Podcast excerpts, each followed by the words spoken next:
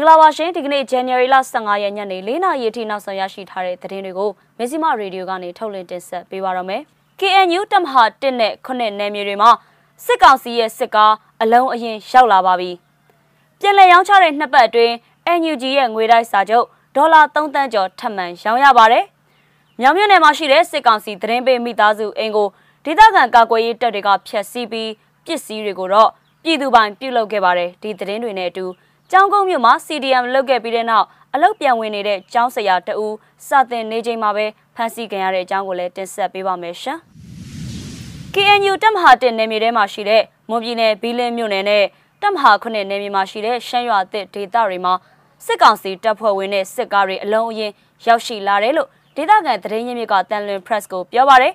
မနေ့ကညနေဘီလင်းမြို့နယ်ကြိုက်ထိုဘက်ကနေစစ်ကောင်စီကားတွေရောက်ရှိနေပြီး ကြိုက်ကောတထုံဘက်ကိုဆက်လက်ဦးတည်နေတယ်လို့ KNLA တပ်မဟာ1တပ်ရင်း2ရဲ့တပ်မှုတအူးကပြောပါတယ်။ကြိုက်ကော်မှာဒဏ်ရာရတဲ့စစ်ကောင်စီတပ်ဖွဲ့ဝင်တွေကိုလာခေါ်ပြီးပြန်ဆင်းသွားတဲ့စစ်ကောင်စီတပ်ဖွဲ့ဝင်တချို့ကလည်းစစ်တောင်တရားထိပ်အရောက်မှာတော့မိုင်းဆွဲတိုက်ခိုက်ခံရတာကြောင့်နှစ်ဦးသေဆုံးပြီးရှစ်ဦးဒဏ်ရာရရှိခဲ့တယ်လို့နေမြေခန့်သတင်းရင်းမြစ်ကဆိုပါတယ်။မင်းညကလည်း KNLA တပ်မဟာ9နေမြေထဲမှာရှိတဲ့ရှမ်းရွာသစ်ဒေသမှာစစ်ကောင်စီတပ်ဖွဲ့ဝင်တွေပါရှိတဲ့ကားအစီး20ရောက်ရှိနေတယ်လို့ PDF နဲ့နှီးဆက်သူတဦးကဆိုပါတယ်မနေ့ကမနေ့တုန်းကလည်းတထုံမြို့နယ်ပိနေတော်လမ်းမှာအမြောက်ကတစည်းအပါဝင်စစ်ကောင်စီရင်အစီး20ပါတဲ့ရင်တန်းတက်လာတာကြောင့် KNLA တပ်ရင်းနှစ်တပ်ဖွဲ့နဲ့တထုံပြည်သူပျောက်ကြားတပ်ဖွဲ့ TPG တို့ပူးပေါင်းပြီးတော့တိုက်ခိုက်ခဲ့ကြပါသေးတယ်ရှင်။ရောင်းချမှုတွေခိတ္တရနာထားတဲ့အမျိုးသားညီညွတ်ရေးအစိုးရရဲ့အထူးငွေတိုက်စာချုပ်တွေကိုပြန်လည်ရောင်းချတဲ့နှစ်ပတ်အတွင်းမှာပဲဒေါ်လာ3သန်းကျော်ရောင်းချနိုင်ခဲ့တဲ့အကြောင်း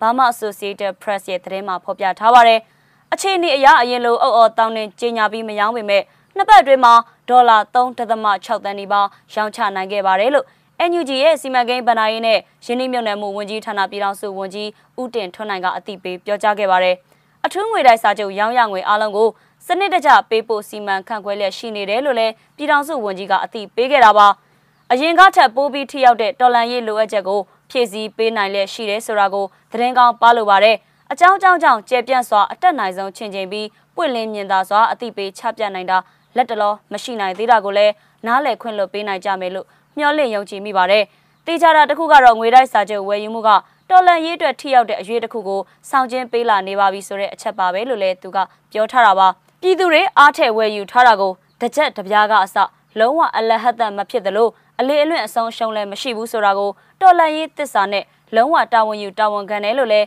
ဦးတင်ထွန်းနိုင်ကပြောပါရယ်အမျိုးသားညီညွတ်ရေးအစိုးရ NUG ကຫນွေဦးတော်လန်ရေးရန်ပုံငွေအနေနဲ့ American Dollar 100 900နဲ့9000စတဲ့စုစုပေါင်းဒေါ်လာတန်း200ဖိုးရှိတဲ့အထူးငွေတိုက်စာချုပ်တွေကိုပထမအုပ်အနေနဲ့ပြီးခဲ့တဲ့နိုဝင်ဘာလ22ရက်တုန်းကစတင်ရောင်းချခဲ့တာဖြစ်ပါတယ်ဒီလိုရောင်းချပြီးတော့တပတ်အတွင်းမှာပဲ American Dollar 15တန်းဖိုးလောက်ရောင်းချနိုင်ခဲ့တာဖြစ်ပါတယ်ရှင် စကိုင်းတိုင်းဒေသကြီးမြောင်မြို့နယ်ဆွဲလဲအိုကျေးရွာထဲမှာနေထိုင်တဲ့စစ်ကောင်စီသတင်းပေးမိသားစုရဲ့နေအိမ်ကိုမြောင်မြို့နယ်ပြည်သူ့ကာကွယ်ရေးနဲ့လုံခြုံရေးအဖွဲ့ CDSOM ကဦးဆောင်ပြီးတော့မဟာမိတ်အဖွဲ့တွေနဲ့အတူတွားရောက်ပညာပေးခဲ့ပါတယ်။အဲ့ဒီမိသားစုရဲ့သတင်းပေးတာကြောင့် January လ23ရက်မနက်ပိုင်းမှာဆွဲလဲအိုကျေးရွာထဲမှာရှိတဲ့အပြစ်မဲ့ပြည်သူတွေရဲ့နေအိမ်73လုံးအပြင်ပြည်သူပိုင်ပစ္စည်းတွေကိုအကြမ်းဖက်စစ်ကောင်စီကမတရားသဖြင့်မိရှို့ဖျက်ဆီးခဲ့တဲ့ကြောင်း CDSOM အဖွဲ့ကထုတ်ပြန်ထားပါတယ်။အဲ့ဒီဖြစ်စဉ်ကြောင့် ဒေသခံပြည်သူ့ကာကွယ်ရေးတပ်ဖွဲ့ဝင်တွေကအခက်ကြုံနေကြတဲ့အိမ်အောင်စုတွေစီမနေ့တုန်းကတွားရောက်ပြီးကုညီထောက်ပံ့မှုတွေလည်းဆောင်ရွက်ခဲ့ပါတယ်။အဲ့ဒါအပြင်အဲ့ဒီသတင်းပေးလိုက်တဲ့မိသားစုရဲ့နေအိမ်ကိုပညာပေးဖျက်ဆီးခဲ့တယ်လို့လည်းသိရပါတယ်။ပညာပေးဆုံးမမှုမှာတော့ CDSOM အဖွဲ့နဲ့အတူမြောင် Women Warriors မြောင် Union Army နှလုံးလာလူမိုက်ကြီးများအဖွဲ့နဲ့မြင်းမူလက်စီပျောက်ကြားဖွဲ့တို့ပူးပေါင်းဆောင်ရွက်ခဲ့တာပဲဖြစ်ပါတယ်။ဒီဖြစ်စဉ်နဲ့ပတ်သက်ပြီးမြောင်အမျိုးသမီးပျောက်ကြားစစ်တီတော်များအဖွဲ့ဝင်က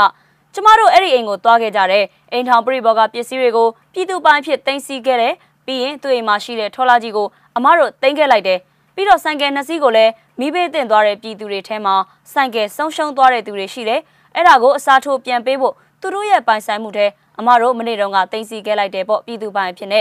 မှတ်လောက်သားလောက်အောင်တော့ပညာပေးခဲ့တယ်လို့သူကဆိုပါတယ်ဒီလိုနေအိမ်ကိုတွားရပညာပေးတဲ့ချိန်အဲ့ဒီမိသားစုကတော့နေအိမ်မှာရှိမနေဘူးလို့ဆိုပါတယ် သူတို့ကအောက်တိုဘာလကလေးကရွာထဲကနေပြောင်းရွှေ့သွားပြီးတော့စစ်ကောင်စီကိုဆက်ပြီးသတင်းပေးနေတာလို့သိရပါတယ်။အဲ့ဒီမိသားစုကစစ်တပ်အတိုင်းဝိုင်းကဖြစ်ပြီးလွန်ခဲ့တဲ့2022ခုနှစ်အောက်တိုဘာလ9ရက်နေ့နဲ့9ရက်နေ့တုန်းကလည်းသူတို့ရဲ့သတင်းပေးမှုကြောင့်ကျေးရွာထဲမှာရှိတဲ့နေအိမ်ကိုအိမ်ကိုအကြမ်းဖက်စစ်ကောင်စီကဖျက်ဆီးမှုပြုလုပ်ခဲ့ပူပါတယ်။ဒါအပြင် January လ17ရက်နေ့တုန်းကလည်းမြောင်မြို့နယ်နဘတ်ကျေးရွာမှာရှိတဲ့နေအိမ်6လုံးကိုအကြမ်းဖက်စစ်ကောင်စီတပ်ဖွဲ့ဝင်တွေကမိရှို့ဖျက်ဆီးမှုပြုလုပ်ခဲ့ပါသေးတယ်။ လက်ရှိချိန်ထိကျေးရွာနေပြည်သူတွေကထွက်ပြေးတိမ်းရှောင်နေကြရဆဲဖြစ်ပါတယ်။ဒါကြောင့်ဒေသခံပြည်သူ့ကာကွယ်ရေးတပ်ဖွဲ့ဝင်တွေကစစ်ပေးတဲ့ပြည်သူတွေစီမနေ့တုန်းကတွားရောက်ပြီးမိဘတဲ့အိမ်တော်စုတွေအတွက်တစုကိုငွေကျပ်တသိန်းစီထောက်ပံ့ခဲ့ပါတယ်။ဒါအပြင်စစ်ပေးရှောင်တဲ့ပြည်သူတွေအတွက်လည်းဆန်3အိတ်တွားရောက်ပေးအပ်ကူညီခဲ့တယ်လို့သိရှိရပါတယ်ရှင်